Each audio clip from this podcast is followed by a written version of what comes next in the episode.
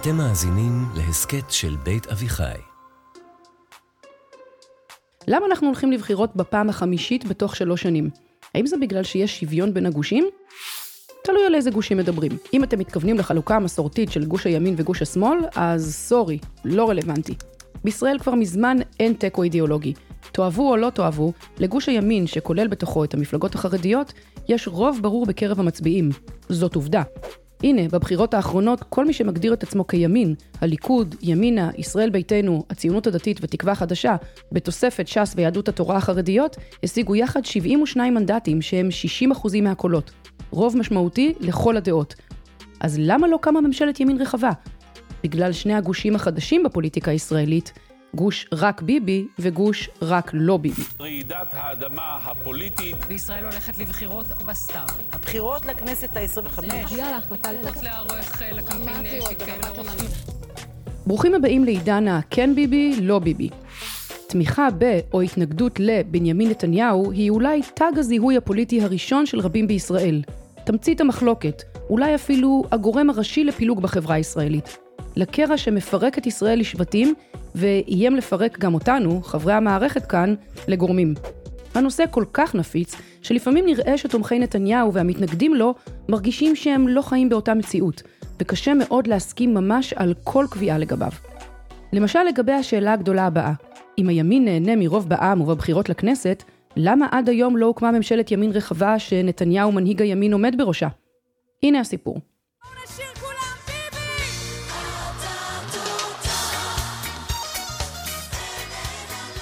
בנימין נתניהו כיהן כראש ממשלת ישראל מטעם הליכוד כ-15 שנים במצטבר. הכי הרבה מכל ראש ממשלה אחר בישראל, כולל בן גוריון. השלטון שלו נראה יציב, נצחי אפילו, ואין אף מנהיג פוליטי מבית או מחוץ שהצליח לנצח אותו. השינוי הגיע מכיוון לא צפוי, מתוך הנגמש עצמו. אביגדור ליברמן, מנהיג ישראל ביתנו, היה האבן הראשונה בחומה שנפלה. בנובמבר 2018, כשליברמן היה שר הביטחון, הוא והמפלגה שלו פרשו מהקואליציה. הסיבה הרשמית, הסכם הפסקת האש שנחתם בין ישראל לחמאס והג'יהאד האיסלאמי אחרי אירועי ההסלמה בדרום, שהתפרש בעיני ליברמן ככניעה לטרור. האם זאת גם הסיבה האמיתית? האם אלו חילוקי דעות שמספיקים כדי לפרק שותפות? לוותר על ממשלת ימין מלאה ויציבה? שאלה טובה. הפרישה של ליברמן לא הפילה את הממשלה, אלא רק צמצמה אותה ל-61 חברי כנסת. אבל כמו שראינו בשנה האחרונה, קואליציה צרה של 61 היא מתכון לסחטנות פוליטית, לאי יציבות ולקושי אמיתי ביישום מדיניות הממשלה. נתניהו הקדים את הבחירות מתוך תקווה ואמונה בניצחון סוחף שיאפשר לו להקים ממשלה רחבה. אבל זה לא מה שקרה. הבחירות נקבעו לאפריל 2019, הליכוד זכה ב-35 מנדטים, איחודי כוחות בימין מנעו בזבוז קולות, אבל כל זה לא עזר. למרבה ההפתעה, נתניהו לא הצליח לממש את הרוב הימני ולהרכיב קואליציה. ליברמן שוב לא הסכים להיכנס לממשלה עם נתניהו. הוא טען שאפשר להיות ימני גם בלי לתמוך בו. נקרא לו איש מקיסריה, מאשים את איש מנוגדים שהוא שמאלני, אין לזה שום קשר בכלל לתפיסה הכנסת פוליטית. התפזרה. הנתק הקטן הזה בגוש הימין סימן תזוזה דרמטית של הלוחות הטקטוניים בפוליטיקה הישראלית. עוד ועוד אנשים ומפלגות מתוך הימין הצטרפו למהלך של ליברמן. הם טענו כי נתניהו אינו מיישם את מדיניות הימין, ועסוק בעיקר בעצמו ובניסיון למלט את עצמו ממשפט. הם גם ראו במתקפות שלו נגד מערכת שלטון החוק והמשפט פגיעה בעקרון הממלכתיות. התהליך הזה עיצב את הגושים מחדש, כי בניגוד לגוש הימין והשמאל, הגושים האלה מצויים בתיקו. אוקיי, אז מה? זאת לא הפעם הראשונה שיש תיקו. מאז קום המדינה כבר היו כמה מקרים של תיקו פוליטי, רק שהם בדרך כלל היו בין שתי מפלגות גדולות, שייצגו אידיאולוגיות ברורות והפוכות של ימין ושמאל. אפשר היה לחשוב שמצב של תיקו אידיאולוגי הוא בלתי פתיר, כי מי יוותר על אידיאולוגיה? אבל למרות זאת, הוא נפתר על ידי הקמת ממשלת אחדות, ממשלה שמורכבת משני הצדדים באופן שווה. המפורסמת בהן היא ממשלת הרוטציה של יצחק שמיר ושמעון פרס ב-1984. ימים של מחלוקת אידיאולוגית קשה שפילגה את העם סביב נושאים מדיניים וביטחוניים, מחלוקת שהתגברה אחרי מלחמת לבנון הראשונה, וגם ימים של משבר כלכלי עם אינפלציה מטורפת שאיימה למוטט את הכלכלה הישראלית. בבחירות זכתה מפלגת המערך, או העבודה בשבילכם, ב-44 מנדטים, והליכוד קיבל 41. זה די תיקו. אפילו במצב של תיקו יש משקל מכריע לרצון הבוחרים. אני רוצה להדגיש שוב את הכמיהה הרחבה בקרב העם לממשלה המבוססת על אחדות לאומית. אחרי ששמעון פרס, ראש מפלגת המערך, נכשל בניסיון לגבש קואליציה ולהקים ממשלה, במקום לצאת לעוד סבב של בחירות, הנשיא חיים הרצוג, אביו של הנשיא הנוכחי, דחף להקים ממשלת אחדות. הממשלה הוקמה בשיטת הרוטציה. סוכם שבשנתיים הראשונות פרס יהיה ראש הממשלה, ולאחר מכן שמיר יחליף אותו בתפקיד. נשמע מוכר? הממשלה הזאת גילתה יציבות יחסית, קצרה הישגים משמעותיים כמו חילוץ ישראל ממשבר כלכלי עמוק, השגת צה"ל מעומק לבנון לאזור הביטחון, והפתעה, אפילו הרוטציה בוצעה כמתוכנן. אחרי שנתיים בתפקיד ראש הממשלה, שמעון פרס אשכרה קם מהכיסא ופינה אותו בשביל יצחק שמיר. מושלם. אז למה היום לא מקימים ממשלת אחדות אחרי כמה תוצאות תיקו שכופות שיתוק על המערכת הפוליטית בישראל ומערכות בחירות חוזרות שעולות לנו הון? שוב שאלה טובה. התיקו פה שונה לגמרי. שימו לב לפרק הבא בסאגה. ממש תוך כדי סבבי הבחירות שבכל פעם הסתיימו ללא הכרעה, היועץ המשפטי לממשלה, אביחי מנדלבליט, הודיע שהחליט להגיש שלושה כתבי אישום נגד נתניהו, על עבירות של שוחד, מרמה והפרת אמונים.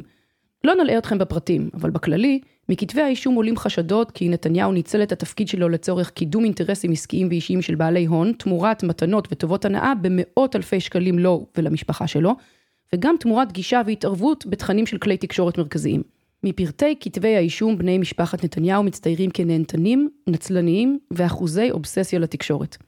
אפשר בקלות לטעון שההחלטה הזאת להגיש כתבי אישום לא ממש שינתה משהו.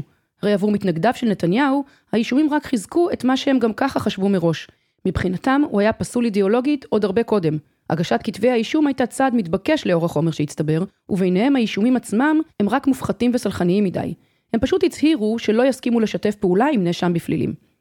אבל גם אצל רוב תומכי נתניהו הגשת כתבי האישום לא שינתה הרבה.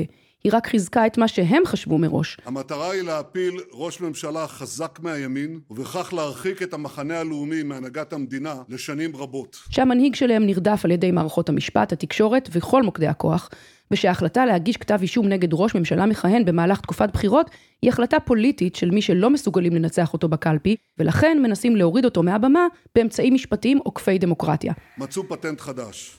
גורמים במשטרה ובפרקליטות חברו יחד לעיתוני השמאל, אני קורא להם חבורת רק לא ביבי, כדי לתפור לי תיקים מופרכים והזויים. כמה חברי כנסת ושרים של הליכוד גם פיזית התייצבו מאחוריו ביום פתיחת המשפט, והעבירו את המסר שהם איתו מול השופטים. הם הכריזו על נאמנות מוחלטת לנתניהו, ורק לו, והצהירו שלא יסכימו לשום קואליציה, אפילו כזאת שתכלול את הימין סביב שולחן הממשלה, כל עוד נתניהו לא יהיה שותף לה ויעמוד בראשה. והנה התיקו. צד אחד מסרב לשבת עם נתניהו, צד שני מסרב לשבת עם כל מי שאינו נתניהו. ימין ושמאל, out, רק ביבי או רק לא ביבי, אין. ובכל זאת, הגשת כתבי האישום כן השפיעה על הגושים. ה game changer בין הגושים בא מכיוון אנשי הימין דווקא.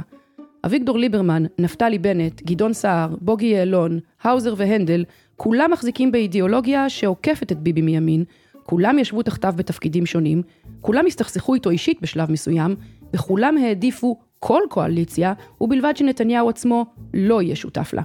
חלק מהם סוחבים צלקות עבר מעבודה תחתיו ואיתו, אבל חלקם מנמקים את הסירוב הזה בכך שנאשם בפלילים לא יכול להתמסר לניהול ענייני המדינה. הם כמובן לא פוסלים ישיבה עם הליכוד. מבחינתם, אם נתניהו יפנה את הכיסא, בכלל לא צריך ללכת לבחירות. ממשלת ימין רחבה בהנהגת הליכוד קמה פה צ'יק צ'אק. הבעיה היא נתניהו. הוא ורק הוא. האם מדובר בחרם, כמו שטוענים לא מעט אנשים ממחנה רק ביבי? או שהמדובר בצעד מתבקש ומחויב המציאות, כמו שטוענים אנשי רק לא ביבי? מתנגדי נתניהו טוענים שמדובר באידיאולוגיה. אם לא היינו רוצים מנהלת בית ספר שנאשמת בשוחד, או מג"ד שנאשם בהפרת אמונים, לא יעלה על הדעת שראש ממשלה יכהן במצב כזה. מוסרית וגם פרקטית, מי שעומד בראש המערכת הפוליטית לא יכול להיות אדם שנחשד במעשים חמורים כאלה. נקודה. עם כל הכבוד, שייקח את הזמן לנהל את המשפט שלו, ואם וכאשר תוכח חפותו, אהלן וסהלן, שיחזור. אבל לא באמת, כן? כי מבחינת רבים במחנה רק לא ביבי, מעבר לנושאים של טוהר המידות ושחיתות ציבורית, נתניהו יצר וביסס תרבות פוליטית אלימה ומקטבת עוד הרבה לפני הגשת כתבי האישום, ושנות שלטונו התארכו הרבה מעבר למקובל ולרצוי במשטרים דמוקרטיים. הנה, אפילו הוא בעצמו אמר את זה פעם. אני הייתי אחד מאלה שיזמו ודחפו את החוק לבחירה ישירה. ביקשתי להכניס לשם סעיף, ואמרתי שראש ממשלה לא יוכל לכהן בחוק החדש יותר משתי קדנציות, ואני אגיד לך למה. אם לא תעשה את זה בקדנציה הראשונה, אולי תעשה מה שצריך בקדנציה השנייה, אבל יותר מזה אתה לא צריך. תומכי נתניהו אומרים שכל האידיאולוגיה הזאת היא סתם תירוץ. בסוף, המדובר בחרם, ממש כמו בכיתה ג', חוסר נכונות לשבת עם אדם מסוים, מנהיג תנועה שיותר ממיליון מצביעים ממשיכים לראות בו שוב ושוב ושוב את הנציג שלהם. החרמה שלו, ככה הם טוענים, היא גם החרמה שלהם. אז חרם או לא חרם, עם הגשת כתבי האישום, רוב השיח התמקד בשאלה המשפטית הבאה. בחירות מרץ 2020 בפתח. האם מותר לנאשם בפלילים להתמודד על ראשות הממשלה? בישראל כמו בישראל, כולם פנו לבג"ץ שייתן את התשובה. מותר או אסור? אז זהו, שבג"ץ קבע פה אחד, בהרכב של 11 שופטים, שהחוק לא אוסר על נאשם בפלילים להתמודד לראשות הממשלה, ואפילו לכהן כראש ממשלה, עד שיהיה נגדו גזר דין סופי שבו הוא מורשע. הוא גם לא מתיר במפורש. החוק פשוט לא מתייחס לזה. ומה שלא אסור בחוק, מותר. למי בכל זאת אסור? לשר בממשלה. כך קובעים החוק והפסיקה. אז נתניהו אכן התפטר מתפקידיו הרבים כשר העבודה והרווחה, שר החקלאות, שר התפוצות ושר הבריאות, וככה עמד בתנאי הכשירות. האם הגיוני שנאשם בפלילים לא יכול להיות חבר בממשלה, אבל כן יכול להיות ראש הממשלה? אולי לא. אבל בית המשפט החליט שלא להתערב, וקבע שאם יש בחוק לקונה, כלומר שאין הוראה או תקדים משפטי למקרה המסוים הזה, אז גם אם השכל הישר אומר אחרת, הרי שזהו תפקידה של הכנסת לשנות את החוק, ולא של בית המשפט. וככה ירדה מהשולחן השאלה המשפטית. אבל יש גם שאלה מקצועית, שאלה של פרקטיקה. האם מי שמתנהל כנגדו משפט ארוך ומסובך, שבו כל העתיד שלו תלוי, באמת פנוי לנהל מדינה עם סדר יום תובעני כמו ישראל? שאלה טובה.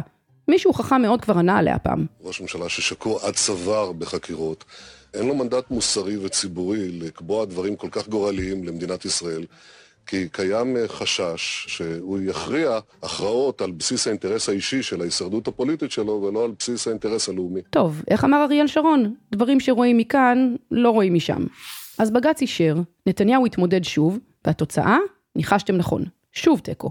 אבל הפעם זה התפתח באופן שונה. זוכרים את ממשלת הרוטציה של שמיר ופרס מ-1984? אז כזה, בערך. אחרי הבחירות במרץ 2020 הוקמה ממשלת אחדות לאומית בין נתניהו לגנץ. בניגוד למה שהבטיח לפני הבחירות, בני גנץ חבר לנתניהו בטענה שישראל נמצאת במצב חירום פוליטי, כשברקע גם משבר הקורונה, ושזה הזמן להיכנס מתחת לאלונקה.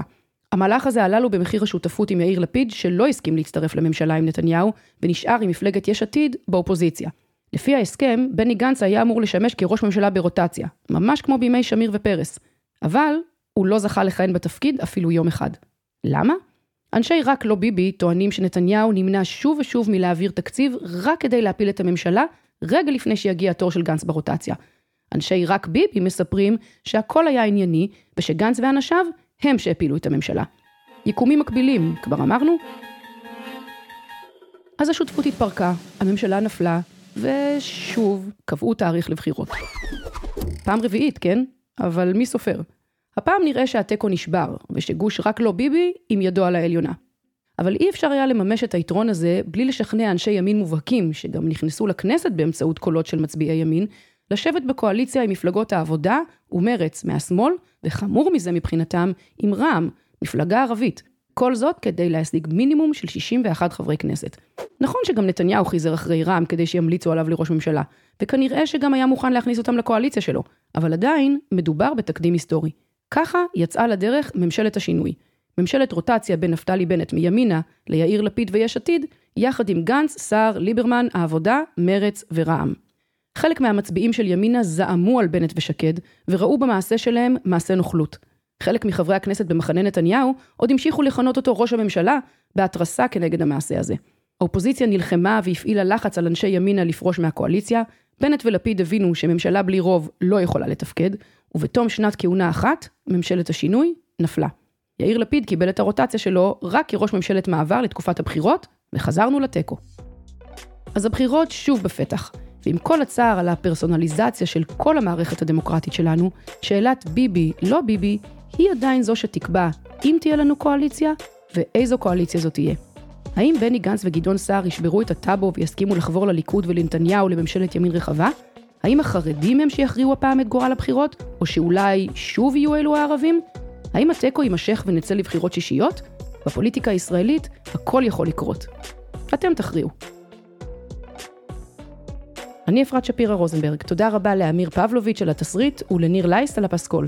תודה רבה גם לשלומית גולדין הלוי, לשי זמיר, לאריה גולדין ולאייל לויט, חברי המערכת וההפקה המסורים. רוצים ורוצות להתעמק עוד? האזינו להסכתים קצה הקרחון ומפלגת המחשבות על הרעיונות שמאחורי הפוליטיקה הישראלית. כל זה ועוד באתר בית אביחי ובפלטפורמות ההסכתים המובילות.